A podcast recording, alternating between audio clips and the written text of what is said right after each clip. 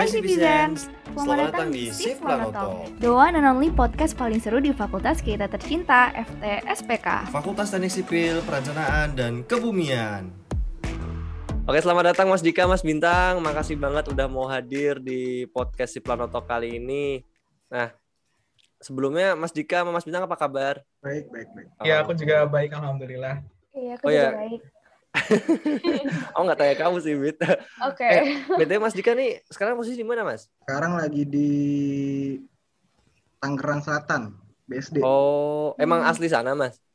Enggak sih lagi kerja praktek aja di sini. Oh, oh iya, anak sipil lagi pada kerja praktek ya. Kalau Mas Bintang lagi di mana nih, Mas? Kalau aku lagi di Kediri. Oh, Iya, di rumah ya. Oh, Mas Bintang tuh asli Kediri. Eh, sebenarnya eh, aslinya di Pacitan. Ka- Kalau nggak tahu Pacitan tuh di mana ya? Di Oh, tahu Mas, tahu. ya, pokoknya di pojok Jawa Timur gitu. Nah, tapi semenjak SMA pindah ke Kediri, terus sampai sekarang stay-nya di Kediri gitu. Oh, gitu. Ya, Soalnya tadi, ke Kediri. Eh, rekan aku ini agak sok tahu Mas dikira Mas Bintang dari Sulawesi kata ya. Oh iya. Oh, oh, muka-muka Sulawesi ya kayaknya. Enggak sih, Mas. Itu minta Bintang ngarang itu. Oke. Oke. Eh, sebelumnya makasih banget lagi nih Mas, makasih banget udah udah datang. Terus BTW nih teman-teman eh, buat para pendengar, eh, kan tadi Mas Bintang sama Mas Dika udah bilang mereka ada di posisi di kota masing-masing. Jadi acara si Planotok ini dilaksanakan online untuk menaati protokol kesehatan yang ada. Karena sesuai dengan em, acara kali ini ya Mas ya. Mungkin di sini teman-teman citizens pada belum tahu nih Mas kalau kita kedatangan dua narasumber yang sangat informatif dan insightful. Tidak lain tidak bukan adalah Kahima dari departemen yang ada di FTSPK kali ini. Dan eh, di sini udah ada Mas Dika dari HMD Teknik Sipil dan Mas Bintang dari HMD Arsitektur. Mungkin dari Mas Bintang sama Mas Dika boleh perkenalan dulu Mas. Bintang dulu kali ya. Eh, boleh. Oh, ya, boleh boleh. Ya, halo. Ini kita manggilnya apa nih? Si, si Flaners atau apa nih? Citizen. Ah, Citizen, oh, Mas. Citizen. Oke. Iya. Ya, halo semuanya Citizen. Eh, selamat apa ya? Selamat pagi, malam atau apa pun pas mendengarkannya. Jadi perkenalan dulu semuanya perkenalkan. Namaku Muhammad Bintang Nabil Nuha, biasanya dipanggil Bintang dari eh, Departemen Arsitektur angkatan 2018. Terus saat ini eh, sedang apa ya dikasih amanah, ya amanah. Jadi Kahima di eh, Himastapati kayak gitu. Oke. Oke. Mas Dika? Oh ya, Hmm, apa tadi Citizen ya? Iya. Ya betul Mas. Assalamualaikum Citizen. Dan selamat malam, pagi, siang, sore ya. Ketika teman-teman mendengarkan. Kenalkan aku Dika dari HMD Teknik Sipil, jurusan Teknik Sipil ya, angkatan 2018. Apalagi tadi ya? Eh, sekarang Alhamdulillah diamanahi sebagai Ketua Himpunan Mahasiswa Sipil periode 2020-2021. Itu aja sih. Oke. Oke, eh, sebelumnya terima kasih banyak ya Mas ya udah eh, hadir sekali lagi dan eh, kebetulan di episode kali ini jadi ini adalah Rifano Talk episode kedua nih Mas dan di sini kita tuh mengangkat tema Get to Know FTSPK edisi Teknik Sipil dan juga Arsitektur. Nah, sebelum kita lebih jauh nih Mas, mungkin aku mau tanya dulu sih Mas sebenarnya eh, boleh nggak sih Mas didefinisikan Departemen Teknik Sipil dan Arsitektur tuh apa sih bisa dari apa yang dipelajari atau output dari departemen ini atau apa pun yang mendefinisikan dua jurusan ini nih Mas. Mungkin dari gantian dari Mas Dika dulu kali ya Mas. Ya mungkin bisa bisa apa ya penjelasannya santai aja lah Mas. Kayak Iya Mas. terlalu Kalem ya, kalem ya berarti ya. apa ya Mas Iya. saya lagi latihan nih pertama kita lagi debut Iya, kita masih podcaster. newbie Mas. Ya, santai, santai, santai. Ini definisi secara umum ini berarti ya. Boleh boleh. Ya. Secara umum ya. Kalau untuk teknik sipil sendiri ya, kalau secara umum, ini agak panjang apa ya? Dua jaman lah. Boleh, boleh Mas. Ya, Boleh, secara, boleh kalau secara umumnya, secara umumnya teknik sipil itu kalau kalau secara historis ya, secara historis ilmu teknik kan itu dari dari dulu itu ada dua ya, yang kalau aku pahami ya, yang aku amini ya. Itu ada ilmu ilmu teknik sipil, keteknik sipilan sama ada ilmu teknik mesin. Nah, bedanya kedua hal itu sebenarnya cuma dua, eh cuma satu. Teknik yang menggerakkan sesuatu dan teknik yang mendiamkan sesuatu. Yang mendiamkan sesuatu itu teknik sipil, yang menggerakkan Oh. sesuatu teknik mesin. Nah, terus lanjut lagi ke teknik sipilnya, Hmm. secara historisnya itu dimulai dari biasanya itu ya kalau apa namanya katanya titik-titik tumpunya di zaman-zaman piramida lah. Paling paling pertama ada itu teknik sipil, ya teknik-teknik yang apa sih namanya? Dasar-dasar ilmu teknik sipil itu mulai muncul di zaman karena titiknya itu adalah pembuatan piramida di Mesir dulu. Jadi secara umum ya teknik sipil itu secara konsep umum yang pertama dasarnya itu adalah mendiamkan sesuatu yang kemungkinan bergerak gitu loh. Yang pertama mungkin kayak dari kalau secara umumnya kan kita dari fondasi terus kita bikin lantainya, habis itu kita bikin kolomnya, baloknya. Gimana caranya kita sebagai teknik, kita sebagai mahasiswa teknik itu sebagai teknik kan bahasa Indonesia kan ini ya, engineer tuh bahasa Indonesia rekayasawan. Kita merekayasa semua hal-hal itu bahan-bahan bangunan itu untuk diam gitu loh, untuk sama dengan apa namanya sigma v-nya sigma itunya sama, sama dengan nol Hmm. nggak ada pergerakan sama sekali nggak ada apa-apa jadi tetap kokoh sampai sesuai di perencanaannya jadi secara umumnya gitulah mendiamkan sesuatu lah kalau secara itunya Oh, eh, jujur saya sebagai orang newbie ini sangat berat bahasanya. Umum Dan dan eh, Aku baru tahu loh ternyata kayasawan tuh ternyata bahasanya Teknik ya? teknik, namanya iya, teknik. sama sama sama aku juga baru dengar. Mungkin kalau dari Mas Bintang gimana nih Mas? Ya kalau dari aku sebenarnya host-hostnya ini harusnya udah tahu nggak sih karena kan dari Arsi juga nih kayaknya bisa jawab juga pertanyaan tentang arsitektur. Ya nggak boleh. Aku karena ini mewakili aja ya ya. Iya betul Mas, betul betul. Ya jadi kalau misalkan arsitektur sebenarnya kita sohib banget nggak sih sama sipil kayaknya. Arsi Harusnya sipil iya, tuh Mas. sangat berkaitan Eh. sekali. Ya. Kalau Katanya di sering tengkar sih Mas, nggak tahu ya. Oh iya.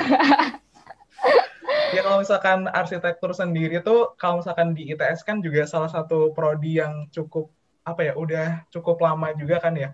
Se- se- kalau arsitektur ITS kan dari tahun 1965 tuh udah ada. Nah kalau misalkan arsitektur sendiri ya kita tahunya selama ini ilmu yang eh, mempelajari bangunan gitu, ilmu tentang bangunan gitu. Tapi Hmm. kalau misalkan arsitektur sendiri apa ya nggak berhenti sampai situ. Karena sebenarnya banyak sekali yang kita pra- eh, pelajari gitu. Lebih ke perancangan sih. Dan Hmm. perancangan tuh bisa dibilang apa ya kayak proses yang cukup kompleks gitu kan. Jadi dia di arsitektur kita belajar hal-hal semacam itu kayak gitu. Perancangan sebuah bangunan yang eh, bisa dibilang apa ya teknik juga desain juga gitu. Jadi Seni juga ya yang- seni dan seni dan sains gitu. Kayak kita tuh kayak Mhm. tengah-tengah gitu. Jadi belajar teknik iya belajar eh, tentang artnya seninya juga iya kayak gitu sih Ya, setuju, setuju. Oh. Terus Mungkin aku itu tadi dari awal, Oh, sorry Vita dulu deh. Sering mungkin itu dari awal eh, sebagai eh, mahasiswa arsitektur, kita sering dengar sih Mas buat yang eh, arsitektur tuh art sama teknik gitu. Iya benar lima puluh lima puluh gitu ya Iya. Mhm. Oke, Oh, iya. Radia boleh. Eh, BTW tadi Ma- Mas Dika, aku tertarik banget cuma sama kata-kata eh apa tadi men- mendiamkan apa mendiamkan bangunan apa tadi Mas Bukan benda. Hmm, Mendiam, benda, mendiamkan benda. ya? struktur lah struktur Oh, teknik mendiamkan benda. Oke, maksudnya jujur jujur pada awalnya aku nggak ber- nggak kepikiran loh teknik sipil Iya, iya. definisinya bisa kayak gitu. Iya, Kayak- sama Mas. Aku selama ini ngiranya oh ya teknik sipil berbicara tentang struktur dan lain-lain. Tapi eh, setelah mendengar ini yang apa kata-kata tentang mendiamkan benda ini masuk akal juga sih dan aku jujur sangat tertarik dengan hal ini. Emangnya mendiamkan benda itu misalkan kita kaitkan dengan eh, sipil emangnya sesusah itu Mas mendiamkan benda. Aku soalnya bingung gitu Mas jujur masih sampai Ya, ya, ya. sekarang. Atau mungkin gimana ada ada penjelasan khususnya gitu Mas? Iya sih kalau emang kalau mungkin kata-katanya tadi itu ya lumayan itu ya main blowing ya Iya, Ya, di- saya sebagai orang awam kayak agak wow, what Lanjut ya. itu itu apa namanya? Aku juga pernah nanya dulu gitu juga ke cuttingku juga senior senior sebenarnya dia secara umum nggak tahu kenapa di anak sipil yang berkembang. Kalau ditanya sama orangnya memang teknik sipil ajarnya apa? gitu mendiamkan sesuatu. Jadi aku udah pengen deng- dengarnya itu kayak gitu dulu ya. Jadi yang aku pahami yang aku amini lama-lama jadi kayak gitulah teknik sipil. Kalau secara itunya lagi lanjutannya. Kalau mendiamkan sesuatu istilahnya bilanglah kita taruh sebuah apa ya enaknya balok-baloknya bilanglah kayu-kayu bentuk kotak gitu ya. Kayu-kayu bentuk kotak Hmm. misal kita taruh di tanah gitu empat biji. Saya empat empat berbentuk persegi gitu. Oke itu Hmm. pasti gampang lah kalau tanahnya datar terus kayunya bagus juga saya pas gitu bisa berdiri kayak gini saya bisa berdiri apa sih namanya ini? Itulah ya. Tegak, tegak. Bisa berdiri tegak nah ya bisa Iya. berdiri tegak oke gitu. Kalau secara konsepannya memang terlihatnya mudah gitu. Loh. itu yang nggak perlu sampai teknik-teknik atau dipelajari dalam perguruan tinggi bla bla gitu kan tapi kalau udah mulai dari empat itu dibangun gitu. Ditaruh kayu kayu kayu datar ditaruh di atas empat empatnya gitu. Kan taruh.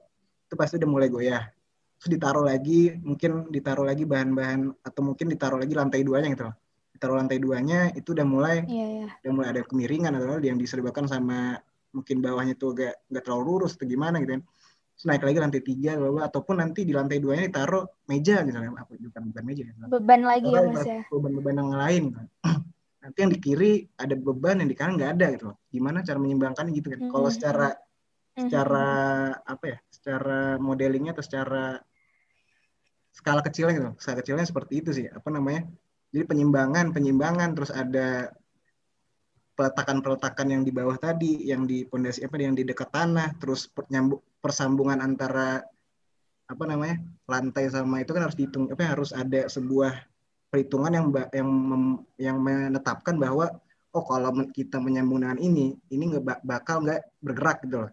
Bakal diam selalu dan nggak bakal nggak roboh lah kalau kita dengan skala kecil kayak gitu kalau kita skala besarin gitu kan kayak gedung-gedung MIPA atau kan gedung apalagi gedung riset bentuknya udah bukan kotak bentuknya Mhm. udah udah mulai inilah saya udah mulai nggak kotak lagi gitu nggak nggak seimbang gitu antara duanya itu berarti ya seharusnya berarti itulah kalau kita pikirin secara singkat aja udah mulai udah mulai chaos lah.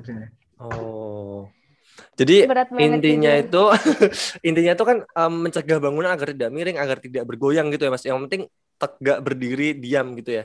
Kokoh. Iya, sesuai perencanaannya. Oh. Wow, keren banget sih. BTW nih ngomong-ngomong soal gedung yang udah mulai nggak ngotak ya. Ini berkaitan banget sama yang namanya arsitektur karena sering banget kan arsi sama sipil ini kan tengkar terus ya Mas. Iya, Nah, iya, iya. Gimana nih Mas Bintang uh, menanggapi dengan bangunan yang tidak kotak? Emangnya bangunan harus Gimana? harus harus bentuknya aneh-aneh Mas? Iya, ini sebenarnya kayak sering denger banget kalau apa ya, kayak sering apa ya kayak bercandaannya Iya, tuh kayak eh, impiannya anak arsi tuh kayak mimpi buruknya anak sipil gitu karena mewujudkan di desain yang kita mungkin kalau misalkan kayak orang apa ya orang mungkin yang lain kayak melihatnya oh ini kok bentuknya kayak aneh-aneh gitu padahal kayak aku nggak tahu sih kayak kadang kita di arsi sendiri kalau misalkan kayak kita eh, bikin rancangan kayak kotak-kotak aja tuh malah kayak kadang eh, dosen tuh kayak ini jangan kotak-kotak kayak kotak sabun aja bereksplorasi atau apa Itu- kayak gitu ya. Kayaknya aku tahu siapa dosen yang ngomong itu sih, Mas. jadi kalau misalkan di kita sendiri malah apa ya kayak bentuk kotak nih kadang-kadang diharamkan gitu. Iya jadi Oh, justru Setuju. iya jadi lebih ke apa ya karena kita juga kan eh, apa ya kayak dilatih kreativitasnya gitu ya jadi kayak lebih banyak eksplorasi eksplorasi bentuk kayak gitu karena sebenarnya di arsi sendiri kalau misalkan kita bikin bentuk tuh juga apa ya kayak nggak boleh asal gitu bukan karena bukan kayak asal oh kita kayaknya ini bagus kayak gini ini bagus kayak gini tapi harus ada kayak reasonnya gitu harus ada alasannya kenapa kamu membuat Mhm. bentuknya seperti kayak gini kayak gitu sih jadi ya eh, ini ya em, maaf ya bang anak sipil Ini terima susah ya. Tapi- gitu ya. tapi sebenarnya dari teknik sipil sendiri itu bisa mempengaruhi itu nggak sih? Pro- proses perancangan misalkan oh ternyata nggak bisa nih bangunannya melayang gini ya harus gini gitu. Itu emang bisa nggak sih mas? Atau sepenuhnya anak sipil harus nurut sama anak arsi? Iya, betul. Cara konsep itunya sih harusnya yang kayak mau kamu bilang terakhir tadi anak sipil ya menghitung yang dibuat sama anak arsi gitu lah. Makanya mungkin tadi ada muncul-muncul anekdot-anekdot tentang hubungan anak sipil sama apa namanya anak Anak arsi. yang kayak Mas Bintang tadi nggak sebut ya. mimpi mimpi Mimpi buruk. karena arsi ya mimpi buruknya anak sipil gitu. Tapi memang nggak dapat dipungkiri emang kalau beberapa misal misal gitu contoh gitu kamu Radia gitu bikin bangunan kan dikasih ke aku kan ntar ini nanti peletakan kolomnya di sini mas. Bentuknya kayak gini bentuknya kayak ini yang apa namanya bungkus indomie gitu kan kayak bentuk indomie atau kayak botol botol teh botol gitu mas. Ini memanjang ke atas bentuknya agak lewat-lewat dikit. Ini peletakan kolomnya sini sini sini gitu. Nanti mungkin ada proses-prosesnya bisa di ini dihitung analisa strukturnya gitu lah apakah kuat kalau peletakan kolom di sini peletakan bloknya di sini bla bla oh ternyata nggak kuat Tapi kalau berdasarkan konsep yang tadi, anak sipil harus menghitung apa yang didesain gitu kan, harus menerima lah gitu. Jadi nanti anak sipil memberi rekomendasi, oh oke okay, kita masih bisa mempertahankan bentuknya kayak gini, tapi peletakan baloknya dimiringin dikit, atau enggak peletakan kolomnya ditaruh ke sini, atau enggak bahan dari kolomnya nanti dari besi ke beton gitu misalnya. Jadi ada rekomendasi-rekomendasi untuk mempertahankan bentuk yang dimau lah istilahnya. Soalnya kan yang yang tahu fungsi bangunan ini ini anak arsitektur kan jadi apa yeah. namanya peng, pen, apa sih pencahayaannya fungsi alasan-alasannya. dan alasan-alasannya itu mm-hmm. kenapa pintunya di sini kenapa airnya apa namanya mechanical electrical taruh di sana gitu kan. Kami nggak terlalu mendalami ke sana yang mendalami oh, itu kan kita cuma bisa lihat itunya lah. Terus ditaruh ke arsi lagi sekiranya kalau bisa gas gitu. Jadi mungkin ada rekomendasi. Oh, berarti sebenarnya emang masih waktu proses perancangan dan pembangunan itu masih ada kerjasama, masih ada negosiasi gitu ya, Mas? Hmm, bisa saling hmm. berkolaborasi lah. Prakteknya kayak gitu. Ya. Oh. Berarti kalau secara garis besar gitu, Mas, uh, yang dipelajari di sipil sama ars itu apa? Mungkin kalau dari sipil berarti lebih ke struktur gitu ya, Mas? Yang dipelajari berarti ya? Iya. Kalau yang dipelajari itu sebenarnya ada enam ada okay. beton, eh, struktur beton, struktur baja, eh, manajemen konstruksi, transportasi, tempat ya, apalagi ya, eh, eh air, ya hidro hidroan ya, sama mm-hmm. tanah, metan, oh, okay. tanah ada enam ya. Jadi oh. kalau dipelajari di sipilitas ya tadi mungkin yang lain beda. Mm-hmm. Di sipilitas itu ada enam itu tadi. Enam Oke, okay. kalau dari Arsi apa tuh Mas Bintang? Ada nggak Mas? Ya kalau dari ASI sendiri tuh sebenarnya kita kayak bisa dibilang patokannya kayak basicnya tuh kita belajar tiga kan tentang mesti Radia sama kita juga udah sering denger yang tentang apa namanya firmitas, utilitas, venustas. Oh iya iya iya iya. Ya, jadi kita Saya emang sering bolos, bolos kelas mas. Ada ini ya? bilangin dosennya nih harus bolos kelas. jadi kan emang ada tiga apa ya tiga patokan Unsur. itu kan. Jadi kalau misalkan di firmitas tuh kekokohan, jadi kita belajarnya ya bagaimana uh, bisa merancang bangunan yang kokoh gitu. Terus kalau misalkan itu tadi utilitas tuh lebih ke fungsinya. Jadi bukan cuman kokoh tapi bangunan yang kita rancang tuh juga kayak tepat guna gitu, punya fungsi yang sesuai dengan apa yang kita inginkan, dengan hmm. fungsi yang apa kita konsepkan kayak gitu. Terus yang terakhir tuh uh, apa namanya? yang uh, Venustas itu juga tadi yang aku bilang di awal itu lebih ke artnya, lebih ke nilai estetikanya. Iya, jadi mm-hmm. bangunan tuh selain dia kokoh, terus punya fungsi yang sesuai, bisa berjalan dengan baik, tapi juga memiliki nilai estetika kayak gitu sih. Intinya sih itu. Tapi uh, apa namanya? Yang aku bilang tadi sih ilmu arsitektur tuh uh, banyak sekali kaitannya dengan bidang-bidang lain. Makanya di departemen mm-hmm. arsitektur sendiri itu ada kayak apa ya? Kayak istilahnya penjurusan-penjurusan sesuai sama labnya kan. Di kita ada lima labs. Nah itu apa ya ada yang berhubungan arsitektur dengan teknologi arsitektur dengan sains arsitektur mm -hmm. dengan uh, sejarah kayak gitu-gitu sih jadi ya rumpun ilmunya cukup banyak dan banyak yang berkaitan bersinggungan sama bidang-bidang lain juga kayak gitu Hmm. Oke oh, oke mas. Gitu. Uh, kalau dari yang dipelajari tadi kan Mas Bintang kayak ada nyinggung tentang lab gitu ya Mas ya. Berarti uh, kalau dari sipil sendiri sama RC juga uh, ada nggak sih Mas hambatan uh, ketika kuliah online ini? Karena uh, kalau misalnya ada lab gitu biasanya kan ada kayak praktikum atau ada hal-hal lain yang biasanya tuh harus dilaksanakan secara offline gitu. Nah kalau misalnya selama online itu hambatannya kira-kira apa sih Mas yang uh, signifikan gitu. Oh iya, terus juga itu Mas, apa namanya tadi kalau nggak salah kan aku dengar kalau di sipil ada transportasi. Ini tuh kalau misalkan misalkan online gini transportasi gimana Mas? Maksudnya apakah itu tetap dipelajari atau hmm. gimana gitu? Iya, iya. Iya, ini Mas Bintang atau apa nih? Boleh, boleh bebas jadi boleh, Mas Bintang dulu, dulu juga nggak apa-apa. Iya. Nah, aku deh nggak boleh. Kalau ini ya di lab laboratorium itu ya, online hmm. sama offline ya. Kalau untuk lab, ini kebetulan aku dapat satu sih lab untuk semester ini. Aku dapat satu itu perancangan jalan raya. Jadi kalau penyanyian raya itu pelajarin tentang inilah pembuatan aspal, pembuatan aspal, kekuatan aspal, bagaimana pokoknya aspal ya. Pembuatan oh, iya, jalan okay, aspal-aspalan ya. Nah, kendalanya itu tadi sebenarnya mungkin kita udah ngerasain juga kalau kalau ada ada teman-teman arsi juga mungkin ngerasain kalau di apa namanya kalau ada lab-laban juga itu itu tadi sih membayangkan sebuah ya hal yang kita teliti gitu loh. Kan apa namanya? Laboratorium kan meneliti sesuatu gitu. Meneliti kalau di yang pelajar tadi kasusnya meneliti ductilitas aspal namanya kelembekan aspal gitu-gitu lah. Tapi kalau kita online gini, caranya juga mungkin nggak tahu ya, mungkin nanti ke depan ya. Kalau untuk tahun ini aku masih kurang gitu loh, kurang ya, kendalanya tuh kurang memahami apa sih yang sebenarnya aku buat nih laporan gitu loh.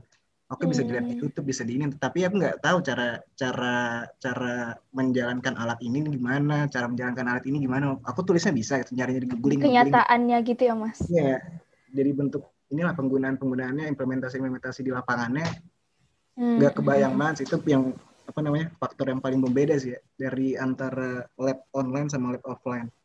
Oh, jadi sebenarnya kalau misalkan pun offline eh, langsung praktek megang alatnya gitu ya, Mas?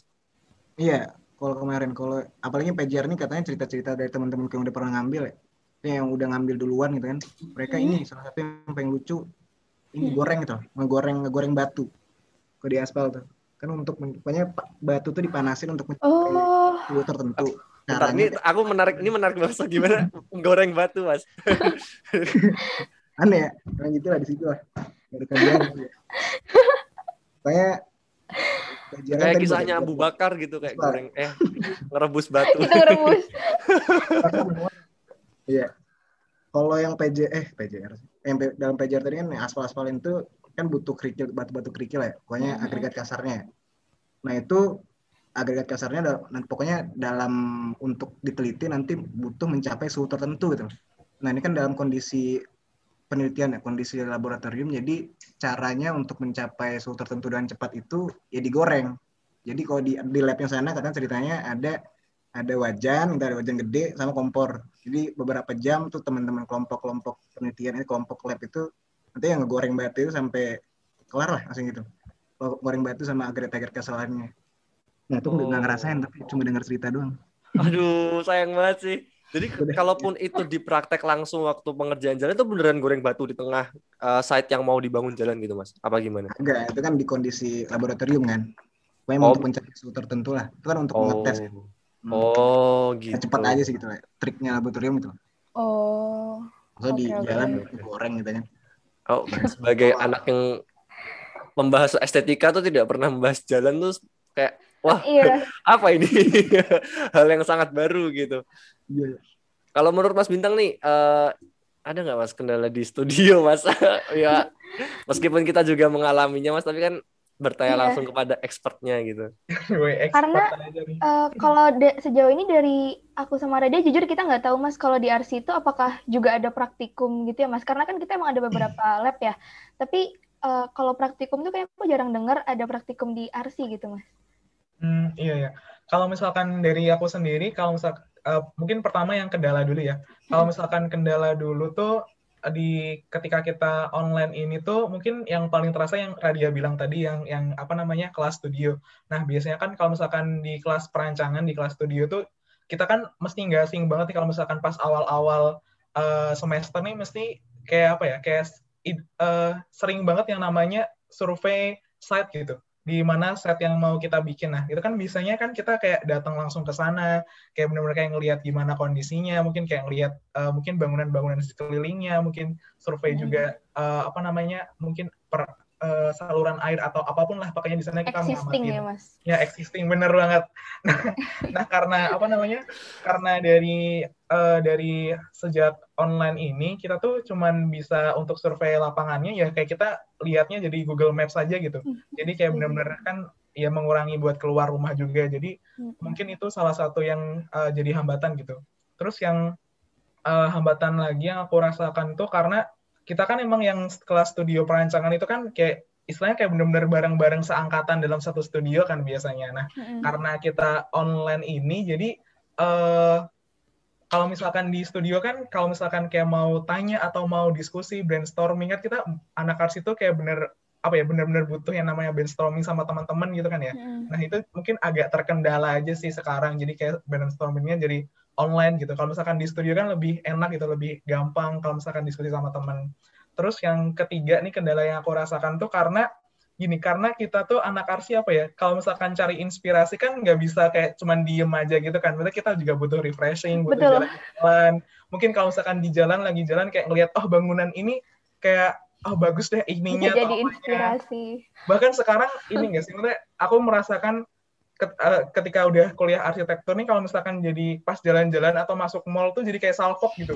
Kayak ngamatin kolomnya ngamatin struktur apanya kayak gitu. Nah itu Plafonnya gitu ya mas. iya plafonnya warna catnya atau material apanya kayak gitu. Nah jadi itu sih hal-hal yang mungkin kayak sekarang aku rasakan kayak oh nggak bisa lagi dirasain pas kondisi kegiatan eh, online kayak gini.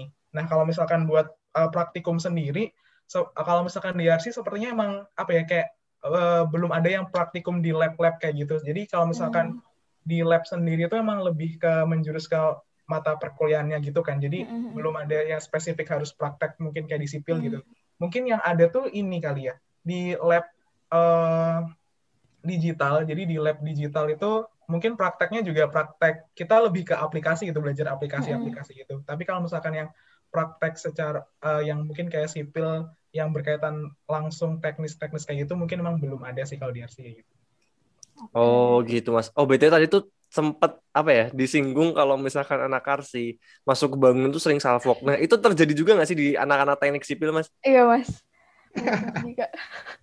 Kayak misalkan lewat apa? jembatan Suramadu gitu, wah ini pakai mur ukuran berapa ya ini gitu. Ya, tergantung pribadi masing-masing ya. Kalau aku mungkin belum sampai sana, ya, belum sampai sana ilmunya. Mungkin anak-anak sipil mungkin udah bisa ngeliat, oh ini dimensi baloknya kurang nih, gitu.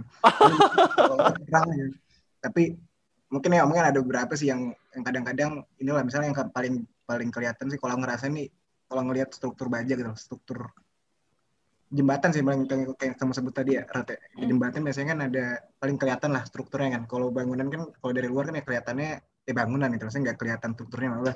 Tapi kalau yang strukturnya kelihatan kan dengan jelas tuh dengan mata kepala sendiri itu jembatan tuh struktur bangunan baja lah sering kalau dibilang. Oh, yang segitiga segitiga gitu ya. Nah, segitiga segitiga. Kadang-kadang Hmm. lihat kita itu ada sambungannya ada murnya ada ini. Terus juga kebetulan kemarin apa namanya waktu di kelas jembatan emang salah satu tugasnya disuruh ke jembatan gitu. Kan kalau nyari jembatan sulit. Oh gitu. Karena emang ada ada gitu sih ingatannya Itu waktu mencari jembatan itu waktu offline atau online mas? waktu offline offline baru lah eh online online baru lah itu Tapi Oh, disuruh tetap jembatan. nyari jembatan. iya masih baru kan itu kan masih itu deh Oh, masih libur dua minggu awal itu ya yang tiba-tiba di dua tahun. iya yang semester itu semester empat itu eh seberapa kita bentang empat ya gitu ya Iya, kita semester 4 pertengahan. Iya Oh, iya. Minggu Pertengahan. ke-8 kalau nggak salah. Itu tuh pas malamnya mau wisuda nggak sih? Bang, Oh iya benar mas Minta. ya, yang mau batal wisuda Hamin satu itu. Iya. nah, Arsi nggak dapat juga ya hari kedua juga ya Iya. Iya, dapet. hari kedua juga. Itu malamnya udah pasang bendera segala macam, terus dikabarin jam satunya. Oh, batal kita bareng. bed lah Berarti eh, bisa dibilang kalau misalnya kegiatan perkuliahan itu tuh pada akhirnya nggak bisa lepas dari kegiatan offline sih ya Mas ya. Karena Hmm. jujur kalau yang tadi dibilang Mas Bintang juga yang em, buat ngamatin site meskipun kita disuruhnya lewat Google Maps gitu, tapi kalau aku pribadi akhirnya aku ngamatinnya tetap secara offline. Aku tetap datang ke site-nya gitu sih karena kebetulan kemarin ngambilnya di kota eh, kita masing-masing gitu. Jadi tetap aja sih pada akhirnya butuh ada kegiatan yang offline. Iya, Hmm. iya benar banget. Emang lebih apa ya? Lebih lebih afdol kalau langsung ke site-nya gitu. Karena Ah, iya benar. Kalau kalau nggak site visit tuh rasanya kayak tidak arsitek gitu. kayak ada yang kurang terus apa ya kayak kita nggak bisa kayak ngira-ngira tuh kadang apa yang Google Maps kan juga nggak selalu update gitu kan jadi Betul, bisa aja betul. apa yang udah ada di Google Maps tuh udah berbeda banget itu sama site aslinya kayak gitu Setuju. Oh, kalau kan tadi hambatan Mas kan kayak ya akhirnya nggak bisa nggak bisa apa namanya nggak bisa ke jembatan satunya nggak bisa ke site gitu kan. Nah itu selama online offline gini tuh ada nggak sih mas? Hal yang mungkin mas bintang atau mas Dika sukai atau bahkan yang paling tidak sukai gitu mas? Kayak suka duka lah ha, kayak suka duka gitu. Buka ya? Nah, kalau ya kalau aku contoh misalnya aku Arsi sukanya tuh ya karena ya karena di rumah terus jadinya eh, ujiannya bisa nyontek lah. soalnya soalnya ujiannya susah ya Allah. Kalau kalau dari aku sendiri, jujur aku lebih prefer eh, sejauh ini ya Mas ya. Aku masih prefer kuliah online sih karena em, di beberapa matkul itu tuh mungkin kalau misalnya arsitektur itu dosennya tuh sering banget ngejelasin pakai gambar kan ya Mas. Jadi kalau misalnya kita mau nyatet di kelas itu kadang nggak keburu sama apa yang dijelasin. Uh, dan juga kalau misalnya kita mau foto kan kadang kesannya kayak nggak sopan ya kalau ngangkat HP gitu. Jadi kalau yeah. misalnya kita online tuh kita bisa screenshot, bisa recording gitu. Jadi aku sukanya itu sih mas kalau online. Gimana Sama mungkin kalau dari Mas Dika, Mas Bintang gimana? Suka dukanya. Apa ya? Bintang udah kepikiran nggak Bintang?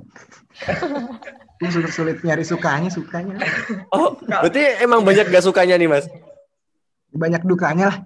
Oh, maksudnya di, ya. banyak dukanya di bagaimana tuh mas? Kan ya mungkin kalau sipil yang jarang praktek itu salah satu duka, mungkin ada duka yang lain gitu mas. Dukanya itu kan kalau untuk Luka. perkuliahannya, nah, aku, bukan aku yang ngomong ya, ya Sabita ya. ya, ketinggalan itu. Itu sih kalau buat apa bilang lah dukanya duka selain perkuliahan tadi mungkin nggak bisa ini bisa labnya kurang maksimal kurang optimal hmm. juga perkuliahan mungkin ya itu tadi sebenarnya apa namanya interaksi sosialnya lah oh, nah, aku iya. kuliah habis kuliah bisa bisa mendinginkan otak di kantin gitu misalnya makan gitu ngobrol-ngobrol gitu kan Terus mm -hmm. kalau emang nggak ada kalau apa nggak ada dosen ini cabut gitu kan kalau nggak ada ya. Kalau ada kan oke mas oke. Ya misalnya nggak ada dosen asik belajar cabut bareng-bareng apa tapi kalau di sini di depan saya kayak gini di depan layar mau ada dosen ya mau nggak ada dosen ya itu tadi misalnya nggak ada nggak ada yang bisa mendinginkan kepala juga gitu loh. Mau nggak ada dosen kayak nggak nggak sesenang dulu gitu loh. Benar benar benar. Nggak nggak senang dulu walaupun ada dosen terus ada jeda sedikit antar kelas ya kita bisa apa sih itu bisa cuma cuma di rumah doang ma, main, main HP main YouTube, nonton YouTube dan lain-lain itu pun ya kurang atau interak, rasa interaksi sosial. Kan kita makhluk sosial yang butuh butuh ngelihat orang juga lah. Ini ngelihatnya layar terus hari gitu, nah, betul betul betul. Kerasa jenuhnya sih itu. Jujur kalau misalkan di depan layar terus ya, gak ada temen. hmm. nah ini kalau mas bintang nih. eh gimana nih iya. apalagi kalau dulu mungkin Aris itu uh, sering banget nugas bareng gitu ya masih sampai hmm. malam hmm. gitu. Iya benar-benar. Bisa. Kalau aku, Mana? aku sepakat sama sama Dika tadi juga sepakat sama Bita juga sepakat. Kalau misalkan aku uh, pertama sukanya dulu karena sebenarnya aku sepakat karena kita apa ya kalau misalkan materi itu jadi kayak lebih gampang gitu. Karena ya, jujur betul. aja kadang tuh aku apa ya kalau misalkan pas kelas itu juga uh, kadang tuh masih bingung, masih masih suka bingung nggak bisa sekali paham gitu. Jadi kalau misalkan pengen uh, ngulang materi atau kayak coba ngelihat uh, materi-materi yang disampaikan tadi itu kayak lebih gampang gitu buat kayak belajar lagi kayak gitu. Terus hmm. kalau misalkan sukanya lagi tuh aku nggak tahu kenapa tapi aku merasa lebih ringkas dan efisien waktu aja sih kayak misalkan ini hmm. kalau misalkan kita ke apa ya ke kampus tuh ini ya apa namanya ke kampus tuh ya kayak bangun dulu mandi ya, dulu terus ke ya ke parkiran dulu jalan. Iya. kalau misalkan pas telat udah kayak kadang oh, ada dosen yang ngebolehin masuk kan. Nah kalau misalkan sekarang tuh kayak misalkan bangun tidur tuh langsung buka laptop langsung iya. Itu kayak kayak ring, lebih ringkas aja sih kalau menurutku. Iya terus mungkin efisien di kegiatan-kegiatan lain kayak misalkan mungkin uh, teman-teman bukan cuma aku sebenarnya teman-teman yang punya kegiatan-kegiatan lain jadi bisa mungkin di uh, punya waktu luang buat mengerjakan hal lain mungkin ada yang mulai bikin usaha atau mungkin konten atau apa gitu. Jadi punya kesempatan buat uh, ngerjain yang lain gitu. Terus kalau misalkan dukanya uh, aku setuju sama Dika tadi sih interaksinya. Jadi emang kangen banget sama suasana kampus kangen sama suasana bareng-bareng di temen. Apalagi yang studio di Arsi kan emang bener-bener yang satu angkatan bareng kelas studio itu emang kangen banget. Kangen juga pas hari Jumat. Kita biasanya kan uh, di depan arsi sipil kan oh, iya, pada pas cum ya kayak tinggal kayak main yeah. aja kan kayak gitu pas kayak udah weekend bener, ini bener, udah bener. ya kangen kangen jajan di pas cum juga kangen kegiatan-kegiatan banyak kegiatan-kegiatan yang apa ya kayak vibes-nya jadi beda kalau misalkan online jadi ya lebih kangen suasananya aja sih kayak gitu. Iya benar sih. Hmm. Apalagi yang masalah uh, bangun pagi itu masih itu bener banget itu jujur membantu banget karena kadang aku kalau lagi mager aku buka kelas juga pakai HP gitu. Jadi baru bangun langsung bukanya iya. pakai HP buka kelas. Tapi bener sih kalau misalnya offline tuh kayak mandi dulu perjalanan 15 menit terus ke parkiran jalan kaki belum misalkan nanti ternyata naik tangga kita udah sampai dosennya malah nggak iya. ada apalagi kalau misalkan dari kos terus kayak keputih lagi macet banget gitu oh iya iya keputih biasanya aduh ya wah keputih kangen banget sih iya Oke nih Mas kita. Ini kayaknya. Karena dia ke putih juga kosnya dulu. Enggak Mas aku kos di di mana namanya? Di mana ya? eh, di Gimana ya? Puncak Kertajaya. Oh, oke oke. Kalau aku di Keputih itu Mas, jadi aku ngerasain banget yang namanya macet Keputih itu Mas. Kalau Mas Dika di mana, Mas? Di KTT. Oh iya, berarti oh, ngerasain mana macetnya juga ya Mas? Oh, Keputih Barat. Tegal Itu. Pertigaan belok kiri itu ya? Iya nggak sih? Yang Bukan. lurus. Yang lurus, Rat. Yang lurus terus Yang itu. arah Arah Aero. Arah Ya udah lupa nih Radia udah lama nggak ke Surabaya ya, Rat. Iya, Mas, udah lupa. Iya. yang banjir itu loh, Rat. Ya, Oh, oh, oh. Gitu, itu. Oh, oh, yang apa namanya? Persimpangan lurus terus belok kiri kirian itu ya? Ada gang-gang sebelah Ada gang-gang Iya. kecil gitu ya? Iya. Oh iya, Ini maaf ya soalnya kalau mahasiswa yang kurang lama di Surabaya masih belum tahu gitu. sumpah bener udah lama banget gak ke Surabaya udah kayak WFH eh, udah di, di rumah tuh berapa bulan gitu kayak Satu tahun. Emang- lebih. kayaknya harus segera segera offline sih ini. Ngomong-ngomong offline nih Mas, eh, kan kita sekarang online nih. Nah, menurut Mas Dika sama Mas Bintang nih sekarang nih eh, sistem kuliah kita saat ini gimana? Ini kan mungkin kita sebagai mahasiswa kan berhak untuk mengkritisi ya. Jadi kayak apakah sudah baik seperti ini ataukah ada hal yang perlu diimprove gitu Mas? Kalau menurut Mas Bintang sama Mas Hmm. Dika gimana tuh mengenai sistemnya sekarang? Agak agak berat ya apa gimana nih?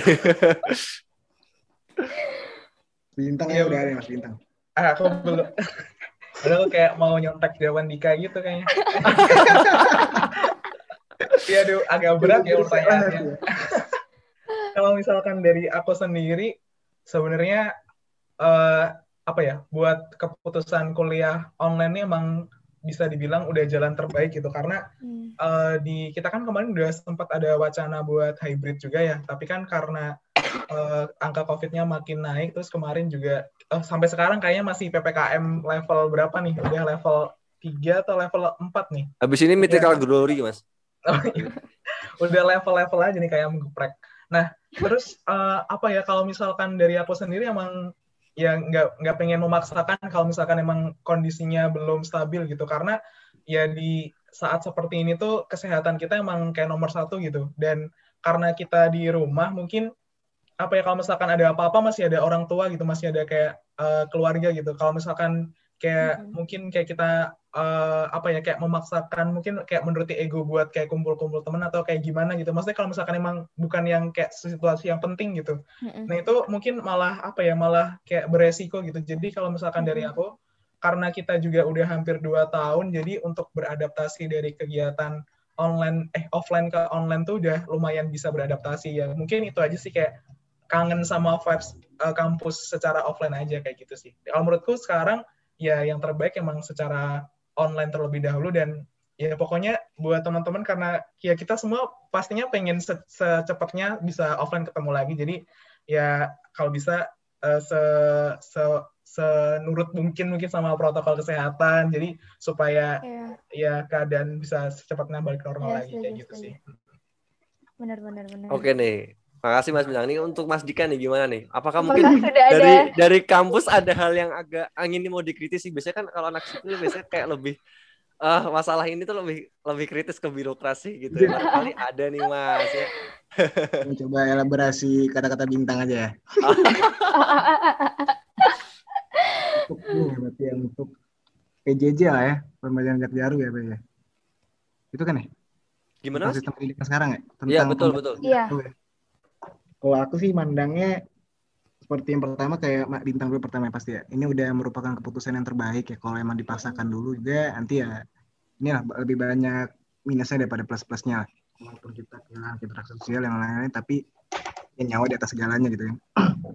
Terus yang kedua, emang walaupun keputusan yang terbaik, walaupun keputusan aku kalau aku bisa dibilang darurat lah ya, keputusan darurat juga yang ter- terbaik dari yang terburuk lah. Pasti ngeliatnya tentunya harus ada inilah, harus ada kebijakan-kebijakan turunannya yang gitu kan, yang memitigasi ataupun mengurangi lah, mengurangi resiko-resiko ataupun minus-minus dalam kebijakan ini tadi, kebijakan PJJ ini gitu loh harusnya ada kebijakan-kebijakan turunan gitu ya seperti Hmm. utamanya gitu ya, utamanya kesejahteraan mahasiswa kesejahteraan siswa lah ya secara umum ya kesejahteraan mahasiswa kalau yang dilihat gitu mungkin yang sering diomong-omongin bahwa eh, apa namanya kita dalam kondisi karantina gitu. Tapi pemerintah eh, karantina kita persis lah dengan kata-kata karantina. Kita dalam rumah kita nggak boleh ke sini nggak boleh ke sini dibatasi bla bla tapi gitu kan mungkin kalau teman-teman udah pernah dengar kita nggak dalam undang-undang kekarantina kesehatan gitu. Kita nggak Hmm. nggak dilindungi secara hukum. Kita ini mereka eh, mereka teman-teman eh teman-teman sih bapak-bapak dan ibu-ibu pemerintah nggak nggak itulah nggak menjalankan atau menjalankan sesuai peraturan undang-undang UU kekarantina kesehatan karantina kesehatan itulah ya. Kekarantinaan undang-undang karantinaan. Undang-undang karantinaan kan udah jelas tertulis bahwa kebutuhan-kebutuhan dasar itu ditanggung oleh pemerintah kan. Tapi dalam kita ini ppkm lah mau disebut ya ppkm level 1, 2, 3, 4 pedes pakai telur karetnya dua gitu kan. Kan gitu-gitu lah ppkm lah, ada apalagi psbb lah ada yang PSBB, lah. gitu lah nggak jelas dan kebutuhan kita ya kalau kita masuk mulai masuk ke cerita mahasiswanya kebutuhan mahasiswa nggak ditanggung sama pemerintah gitu kan oke pertama dulu sempat ada ini ya apa namanya kuota gitu kan Bantuan kuota. Zoom, Oh iya, betul betul. kuota terus sudah mulai sekarang udah mulai ada beberapa kampus yang ada pemotongan UKT lah atau ada banding UKT atau post UKT Mm-mm. gitu kan tapi nggak dapat dipungkiri ya hasilnya nggak semaksimal yang diharapkan gitu loh nggak se Setuju, setuju. siapa sih namanya nggak semenunjang kemahasiswaan ini gitu Optimal ya mas ya. Hmm, nggak seoptimal. Terus yang kedua juga secara eh, selain kegiatan mahasiswa, secara infrastrukturnya gitu loh. Oke, kita Mm-mm. pendidikan jarak jauh, kita punya inilah maksudnya ada sekarang kebetulan ada Zoom gitu kan. Kebetulan ada Zoom, Mm-mm. ada ini, ada itu. Tapi bisa dilihat kita ada beberapa dosen yang nggak terlalu ngerti gitu kan. Ada beberapa mahasiswa juga mungkin yang belum punya device-device yang mendukung gitu untuk PJJ. Ada juga mungkin, bukan kita lah secara infrastruktur untuk kita menjalankan PJJ pemerintah masih belum belum ada concern penuh lah ngelihatnya ke sana. Apa namanya cuma kayak udahlah online aja gitu loh. Jalanin aja dulu seadanya gitu kan. Aku ngelihatnya mungkin itulah orientasi mereka orientasi teman eh bapak-bapak dan ibu-ibu pemerintah dalam kebijakan PJJ ini gitu kan. Aku ngelihatnya ya ya udah seadanya dulu jalannya aja lah. Yang penting yang penting kuliah dah gitu maksudnya. Zoom juga emang ada beberapa PTN aku tapi tanya-tanya ke PTN lain ada beberapa PTN yang nggak disediakan Zoom gitu loh kadang-kadang apa namanya dosennya bikin sendiri atau enggak apa mahasiswanya kadang-kadang yang bikin sendiri bikinin zoom Google Meet gitu. Cuma masih nggak terlalu merata infrastruktur oke kita di tes mungkin ada My ITS Classroom ada My ITS SO lengkap lah gitu. Tapi ada juga di satu sisi mungkin di PTN swasta atau PTN-PTN yang lainnya ada infrastruktur-infrastruktur untuk PJJ ini belum lengkap gitu loh. Sebatas on sebatas absen aja gitu. Absen pun mereka ada yang beberapa yang masih pakai G4 gitu. Ada yang masih pakai apa namanya kertas sih namanya kertas absensi kadang-kadang dipanggil satu-satu masih masih belum mendukung gitu loh. Belum ada kebijakan-kebijakan turunan untuk menyamaratakan kualitas pendidikan yang diterima oleh ya kita mahasiswa dulu ya mungkin siswa yang lain kan kegedean ya oleh mahasiswa itu sendiri gitu loh. Belum merata lah ngeliatnya belum ada concern-concern khusus pemerintah terhadap isu-isu pemerataan kualitas pendidikan gitu loh. Yang kedua eh ketiga panjang juga ya ini. Gak apa santai aja mas. Pertama KESMA kesejahteraan mahasiswa gitu kesejahteraan mahasiswanya. Yang kedua itu apa tadi? Kualitas pendidikan ya pemerataan kualitas pendidikan. Kualitas pendidikan yang berakibat dari infrastruktur PJJ-nya gitu. Yang ketiga mengenai PJJ itu dulu kali ya. Secara umum sih emang itu sih yang aku concernin ya tentang kesejahteraan kitanya sendiri gitu kan kesejahteraan mahasiswanya dan juga pilihan-pilihan pemerintahnya kayak gini kebijakannya sama pemerataan infrastruktur PJJ yang terkesan menurutku ya seadanya aja dulu deh Hmm, Gitu. setuju. Menarik sih tadi apa mengenai itu Mas, mengenai eh, UU kekarantinaan itu yang di mana namanya diubah-ubah hanya untuk menghindari penggunaan UU karantinaan. Padahal kalau misalnya kita melanggar, kita malah kena eh, UU karantina. Padahal kalau misalkan mereka yang di atas tuh dikasih UU karantina, Mati. mereka bilangnya ini bukan karantina gitu. Kan Iya. cukup gimana juga gitu. Terus juga Ya, mengenai pemerataan ini menurutku merupakan hal yang penting untuk dibahas juga karena kalau misalnya kita lihat lagi banyak banyak banget teman-teman kita bahkan yang di sana tuh masih belum memiliki eh, platform atau device yang mumpuni gitu. Mm. Barang bahkan Hmm. sering kali kita lihat bahwa banyak sekali contoh eh, sesimpel kita mau ngumpulin ujian kadang itu eh, fasilitasnya tuh bisa down, servernya bisa down gitu. Yang membuat kita malah kadang nilai kita nggak ke submit atau mungkin ada hal-hal yang merugikan kita justru itu menurutku harusnya menjadi concern penting juga dan menurutku juga harus jadi suatu pertimbangan sih buat mereka yang di atas gitu. Asik. Iya. ini kok malah jadi bicarain yang hal yang agak Cukup politik. nyerempet nyerempet gini ya. Ya, Tapi- bintang banget sama background. Tapi menurutku semua nggak cuma arsitektur dan sipil, pasti aku yakin teman-teman semua yang ngelaksanain perkuliahan secara online relate sih sama hal-hal ini. Oke, nah karena kemarin itu uh, kebetulan nih Mas, aku sama Radia itu udah uh, sempat bikin kayak question box gitu di IG platform BEM FTSPK buat uh, jurusan teknik sipil sama arsitektur ini. Dan kebetulan kita dapat beberapa pertanyaan dan di sini uh, kita pilih tiga buat teknik sipil dan juga tiga buat arsitektur. Jadi di sini mungkin bisa dijawab ya Mas ya karena ini menurutku uh, adalah pertanyaan yang cukup awam dan kayaknya dari um, bahkan bukan mahasiswa sini ya Rat ya karena pertanyaannya sih kayaknya uh, tentang apa yang dipelajari di uh, kampus kita gitu. Betul banget Oke, sih. mungkin dari yang sipil dulu kali ya Rat ya. Oh oke okay, boleh boleh. Uh, oh nih Mas nih ada pertanyaan dari Civizen nih. Pak. Pertama nih, kalau perempuan di teknik sipil uh, gimana tuh mas? Maksudnya uh, ini maksudnya gini mungkin pertanyaannya kayak kan sering kali teknik sipil digambarkan sebagai pekerjaan berat atau misalkan pekerjaan yang dikerjakan oleh laki-laki. Nah, gimana sih perempuan-perempuan yang ada di teknik sipil sih mas? Hmm. Apakah mereka juga ikut ngaduk semen gitu atau manasin batu? goreng batu. Oh, baru tau goreng batu supaya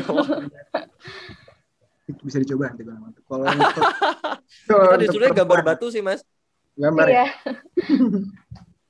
untuk ini ya, untuk ini ya perempuan lah ya perempuan yeah. yang sipil gitu. Mungkin secara stigma yang berkembang masyarakat sipil ini yeah, betul, stigma. kotoran gitu ya, kotor-kotoran, mm -hmm. dengan semenan lah gitu ya, tanah-tanahan. Kalau tapi secara secara apa nih ya, secara di lapangannya mungkin di sipil ITS dulu itu untuk secara kuantitasnya lumayan banyak. Ada 40 ya? 40 dari 140 ya kira-kira oh. berapa persen tuh coba? Berapa? Ya sekian lah ya. 30 30 40 hmm, 30-an persen ya? Dari jumlah mahasiswa satu angkatan itu ya? Satu angkatan ada 30-an persen lah. Itu perempuan. Terus yang kedua memang secara stigmanya seperti itu kotor-kotoran. Tapi sebenarnya yang di lapangan yang terjadi adalah di sipil itu nggak cuma itu kerjaan gitu loh untuk yang kerja itu ada gitu bagian mungkin namanya divisi di beberapa yang paling umum gitu ya.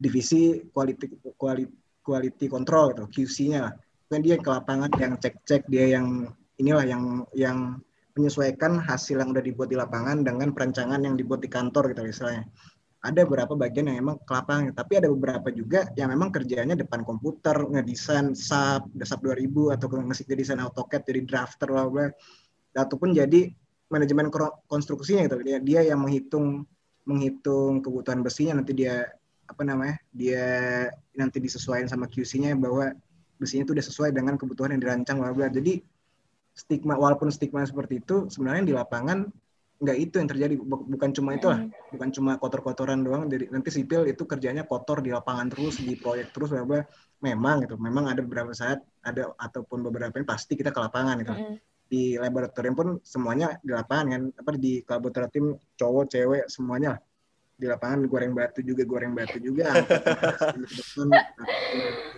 tetap ini maksudnya tetap bekerja sama satu sama lain. Di pekerjaan pun juga gitu kadang-kadang memang kita ke lapangan juga gitu. Walaupun divisi apa kita maupun menjadi kerja eh pekerjaan kita apa pun juga pasti ada satu saat kita ke lapangan. Tapi enggak bukan berarti kita dituntut harus nah, gimana ya ngomongnya? Pengen dituntut harus kuat itu ngangkat-ngangkat hmm. barang hmm. ataupun harus berani kotor itu baik gitu kan rinso pokoknya gitu deh. Ya nggak nggak harus jadi ya untuk perempuan-perempuan yang memang mau sipil nggak usah gak khawatir ya mas ya? Nggak usah khawatir ya. Nah, iya. nggak usah khawatir. Setahu aku okay. juga yang kalau nggak salah tuh apa ya uh, jembatan MRT di Jakarta yang melayang bentuknya kayak L itu juga salah satu yang rancang ada apa uh, anak perempuan oh, apa yeah. juga gitu. Yeah, yeah, yang nggak sih mas yang apa uh, terpanjang ya? MRT itu. Permuri itu ya? Ah iya iya iya uh, yang melengkungnya tuh bisa nggak ada kolomnya bisa kayak melayang yeah. gitu. Melengkung terpanjang gitu kalau di Muri. Iya singkat itu cewek juga itu. Perempuan juga yang desain. Oke, jadi mungkin buat teman-teman citizen yang perempuan terutama nih yang mau masuk teknik sipil calon kan... citizen sih Rat kayaknya. Oh, oh gitu ya. Oh iya, masih maba ya? Iya. Calon maba. Oke, next nih Mas ke ke pertanyaan selanjutnya ini ada oh nih. Kemampuan apa aja sih Mas yang dibutuhin teknik sipil? Apakah harus pintar sesuatu yang memang harus di teknik sipil hmm. gitu Mas? Teknik sipil ya kemampuan yang dibutuhkan. Sebenarnya kalau aku ngomong dengan diriku di SMA aku nggak bakal masuk sipil ya kalau aku jawab ini tapi memang nggak dapat dipungkiri untuk masuk sipil tahu fisika Oh. Aku pun di SMA sebenarnya tapi jangan takut maksudnya aku pun di SMA nggak ngerti fisika samsek gitu loh. Tapi aku bertahan hidup tiga enam semester di sini. Jadi ya, sebenarnya secara nggak nggak dapat dipungkiri ya fisika lah mungkin yang paling dasar. Mungkin secara teknis ya secara ilmu SMA ya itu Mm-mm. fisika. Terus yang kedua walaupun nggak kuat di fisika sebenarnya di sipil ilmu di sipil itu dipenuhi sama inilah penggunaan penggunaan logika dasar gitu loh Hmm. istilahnya nggak perlu kita paham rumus-rumus fisika atau gimana kita cuma cu- cukup paham dengan konsepnya gitu loh. Mm-mm. bahwa konsep itu adalah pokoknya yang paling gampangnya sih sigma sigma pergerakan sama dengan nol gitu kita cuma perlu beberapa konsep dan kita implementasi eh sigma gaya sama dengan nol saya nggak nggak perlu paham banget sampai fisika fisikanya fisika elektro itu tapi cukup paham dengan konsep mekanika sebuah inilah gerak gaya gerak atau sebuah konsep gaya gitu. Itu itulah. Jadi nggak perlu paham fisika banget. Intinya inilah intinya logikanya logika memahami konsepnya Yang kuat penting logikanya jalan gitu ya, Mas.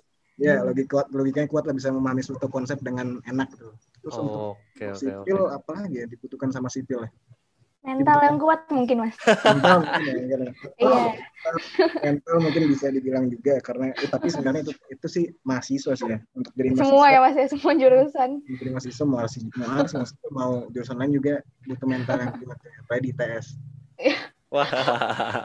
Karena kayaknya kalau eh, apa yang dipelajarin di SMA, kalau aku pribadi di si- di RC eh, jarang muncul sih yang udah kita pelajarin di SMA ya. Kalau menurut Iya, Nadia sama. Mas Bintang, Muncul sedikit kan ya? Semester satu aja malah. Iya, itu pun bukan dari RC-nya ya, lebih ke UPM Dasarnya. yang umum. ya, Hmm, hmm. Oke, oke. Oke, oke nih Mas. Eh, buat pertanyaan terakhir untuk anak sipil, harus pintar matematika nggak sih Mas? Apa ya udah se- secukupnya saja gitu? matematika ya matematika Iya. ya sekali lagi ya tak dapat dipungkiri memang memang perlu sedikit lah. Saya bukan harus paham sih. Suka lah suka eh, enggak suka juga. Aku nggak suka MTK juga sih. Apa ya? Mau lah mau belajar MTK karena memang pasti ada MTK Hmm, Oh. oke. nggak harus paham-paham banget tapi ya disclaimer. Oh ya, berarti ya Harus siap. pintar. Yang penting harus Ya, ada kemauan aja harus ya. nah, harus siap dan mau lah. Soalnya nanti nggak dapat lari dari MTK di sipil. Oke, oke, siap, siap. Oke, masih banyak Mas. Mungkin Oke. langsung gimana nih Bet buat Ini yang RC kali ya Ah. gantian. Nah, kalau misalnya di RC ini Mas, yang paling pertama eh, udah harus bisa aplikasi desain atau diajarin dari kampusnya, Mas? Uh, Oke, ini kayaknya lumayan banyak apa Iya. ya kayak sering banyak Sering ya. dulu. Dulu kan sempat apa ya kayak uh, kayak roadshow roadshow semacam ini Mm-mm. loh ITS gitu kan. Nah itu juga banyak lumayan yang nanya buat anak ars itu apa udah harus jago apa enggak? Jawabannya Mm-mm. sangat tidak perlu karena ya karena kalau misalkan boleh jujur aku sendiri juga mulai belajar aplikasi itu waktu udah apa namanya udah masuk kuliah gitu. Jadi buat tapi apa ya tapi nggak dipungkiri dari teman-temanku dan mungkin teman-teman kalian juga udah ada yang emang kayak eh, bisa aplikasi-aplikasi semacam itu di eh, ketika mereka udah masuk RC gitu. Tapi kalau misalkan emang belum bisa itu nggak masalah dan kayak nggak usah apa ya nggak usah takut gitu karena ya itu sebenarnya gampang sih asalkan ada keinginan mau belajar tuh buat bisa aplikasinya gampang sih. Yang penting ya niat untuk belajarnya itu sih. Jadi jangan khawatir kalau misalkan emang belum bisa aplikasi. Mungkin aku tambahin satu ini karena juga yang sering aku denger tuh itu kayak pertanyaan anak arsi harus jago gambar nggak sih? Nah, Betul, itu, pertanyaan kedua, Mas. oh itu pertanyaan kedua. iya, betul. Boleh langsung dijawab juga, Mas. Langsung. Oke, ini Bener. pertanyaan kedua nanti mungkin Radia sama Bita uh, bisa di iniin juga gimana kalian apakah ini juga tentang Mm. gambar-gambar gitu. Karena kalau misalkan menurut aku sendiri eh itu juga bukan suatu keharusan gitu buat eh, jago gambar gitu. Karena kita kan emang gambar nih apa ya menjadi sebuah tools buat kita mengkomunikasikan apa yang ingin kita sampaikan gitu. Karena kan arsitek tuh apa ya kayak hubungannya sama sama perancang eh sama perancang sama sama klien mungkin Mm-mm. eh, sama kalau misalkan sama anak sipil juga kita mengkomunikas mengkomunikasikan rancangan gitu kan ya. Betul. Jadi gambaran kita tuh nggak harus bagus tapi be- tapi bisa mengkomunikasikan apa yang komunikatif. ide ya gambar yang komunikatif. Jadi apa dari ide kita bisa kita sampaikan kepada orang Mm-mm. lain melalui gambaran kita gitu. Mm-mm. Kalau misalkan dari aku sendiri juga, aku juga nggak bisa gambar, maksudnya kayak ya, kayak gambar-gambar biasa aja kayak gitu. Dan kayaknya itu tadi bukan suatu keharusan gitu buat bisa eh, gambar. Kalau Radia sama Bita gini kayaknya jago gambar juga nih kayaknya. Kalau aku gambarku minus mas nilainya mas. Mungkin kalau misalkan ada grafik itu saya turun ke bawah sekali gitu. Sketching pun saya juga jelek sekali. Terus juga BTW aku juga belajar aplikasi itu baru semester satu akhir loh, bukan dari awal arsi bahkan. Semester iya dua. benar. Oh semester 2, aku semester 2 Iya. juga sih.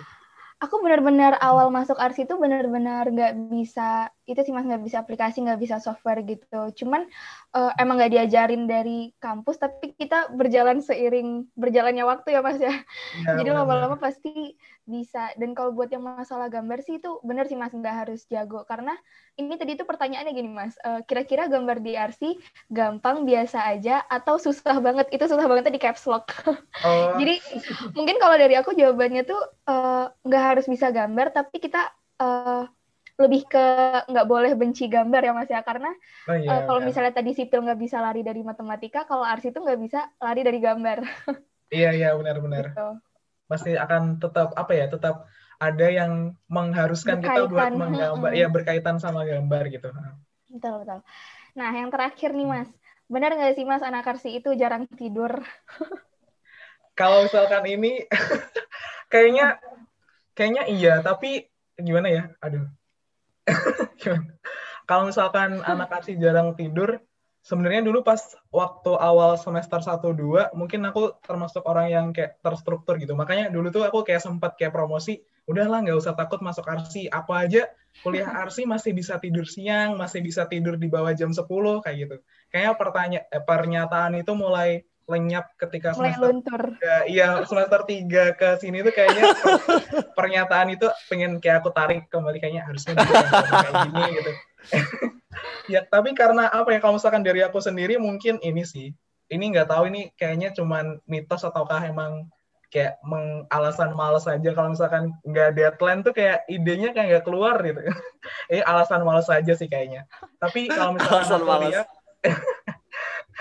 Iya kalau misalkan aku lihat sih dari teman-teman juga apa ya banyak yang begadang. Tapi sebenarnya tuh bisa apa ya kayak balik lagi ketika kita emang bisa manajemen waktu dengan baik sebenarnya tugas-tugas tuh nggak harus dikerjakan se membebani itu gitu. Jadi pokoknya kayak misalkan punya target nyicil hari ini paling nggak nyicil apa nyicil apa gitu. Harusnya nggak apa sih namanya nggak nggak begadang-begadang banget. Apalagi di masa ppkm kayak gini kan imun nih paling eh, imun tubuh nih lumayan penting ya harus jaga kesehatan gitu. Kan kalau misalkan Iya.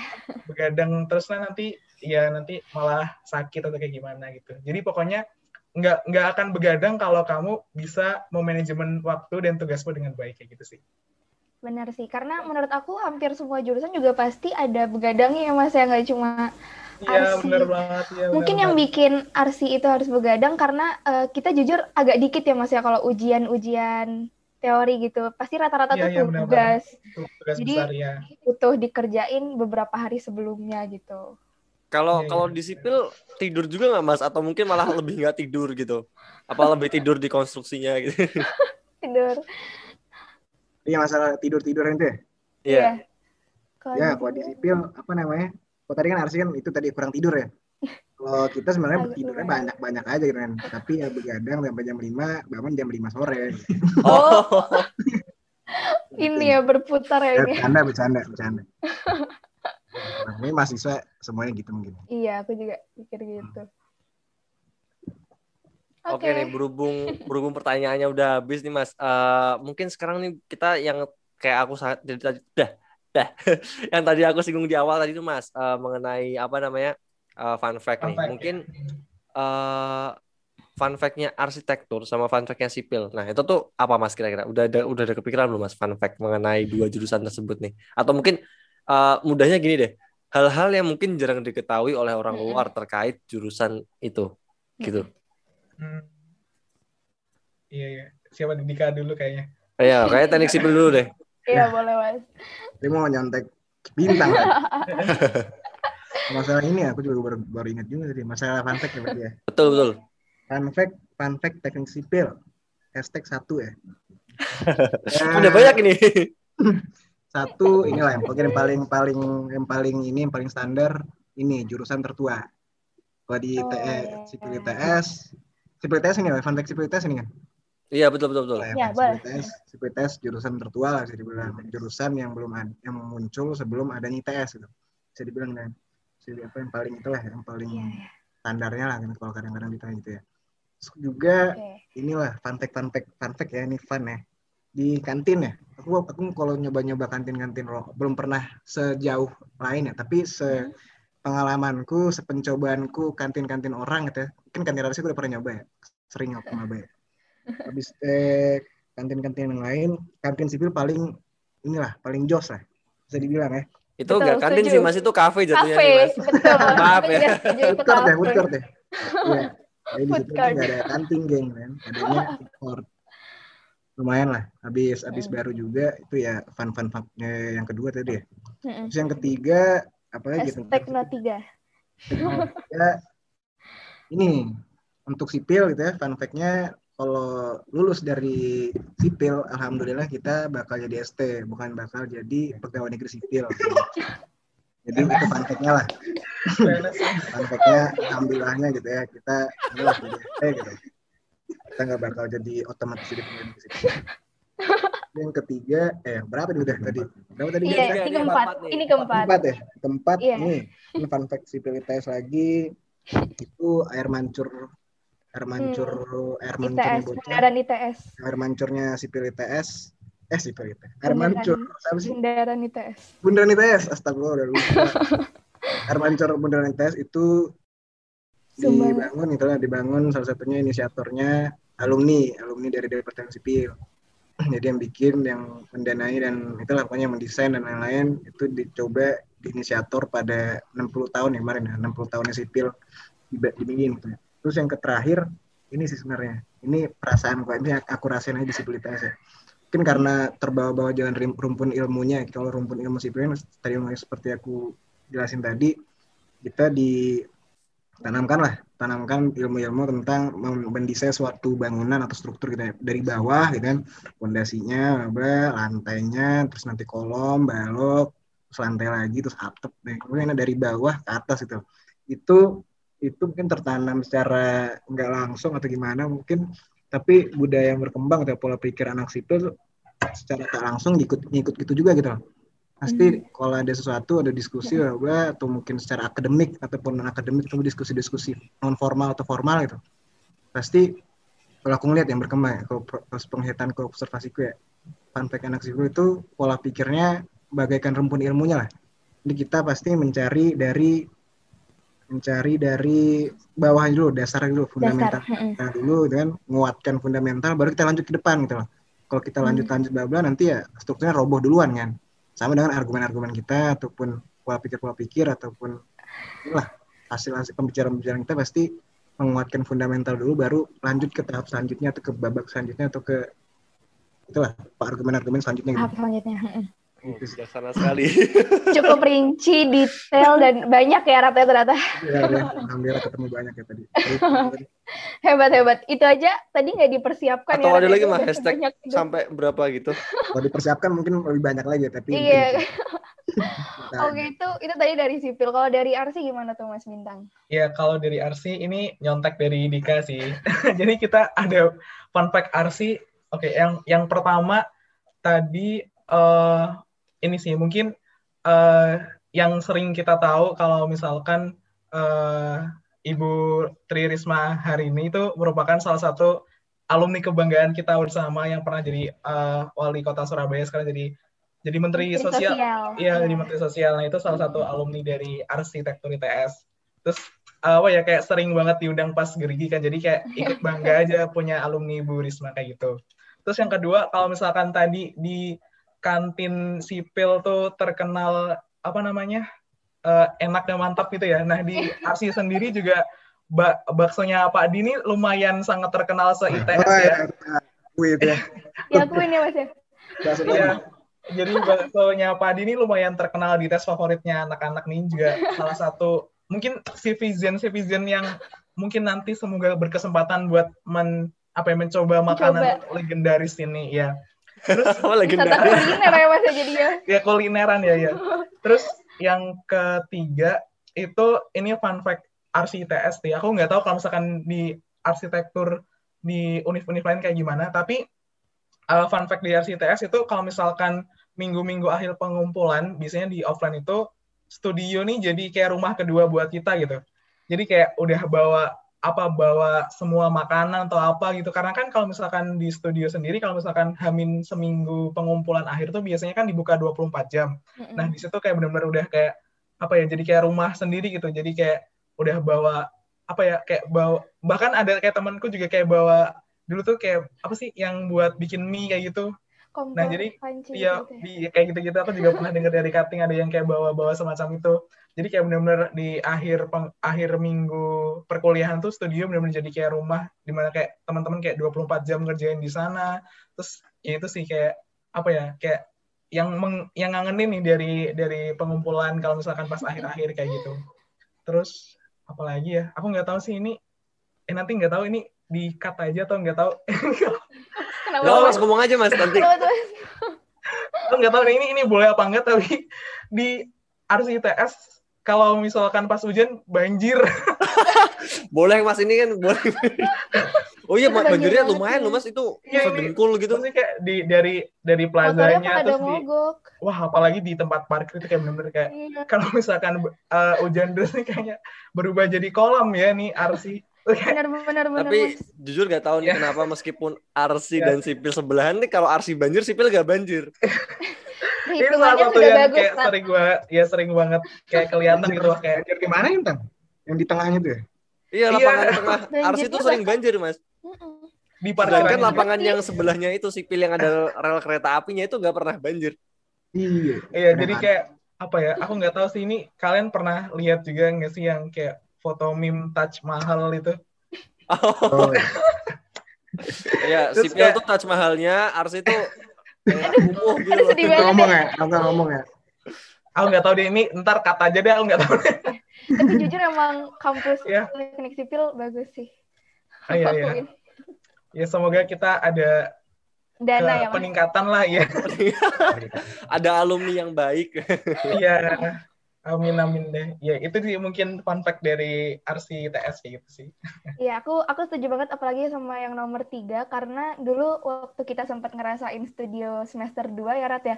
Itu di studionya tuh ada kasur, bantal sama guling. Nah, Gak cuma Di belakang. kasur bantar guling, ada gayung, sikat gigi juga ada. Iya, jadi bener. Udah udah kayak ko- siap. kosan rumah kedua gitu. Iya, kosnya pindah semua gitu. Sebulan lumayan kan. Potong biaya hidup. But, tapi itu yang paling momen-momen asiknya itu sih. Iya. Oke. Udah pengen buat offline ya Allah. Iya, ih sumpah nih nggak kerasa ternyata ngobrolnya udah hampir sejam atau bahkan udah lewat sejam nih aku nggak tahu. Sejam, sejam lebih nih. Aman lah ya. Nggak nggak kerasa ya ini. Oke, jadi buat Mas Bintang sama Mas Dika, eh, kita makasih banyak ya Mas sekali lagi buat kehadirannya di Siflano Talk episode kedua kali ini. Ya makasih banget sudah Makasih juga. diundang. Iya. Oke, mungkin buat teman-teman Civision, jangan lupa like, komen, dan follow official account dari BEM FTSPK. Sampai jumpa di episode selanjutnya. Dah. Dah.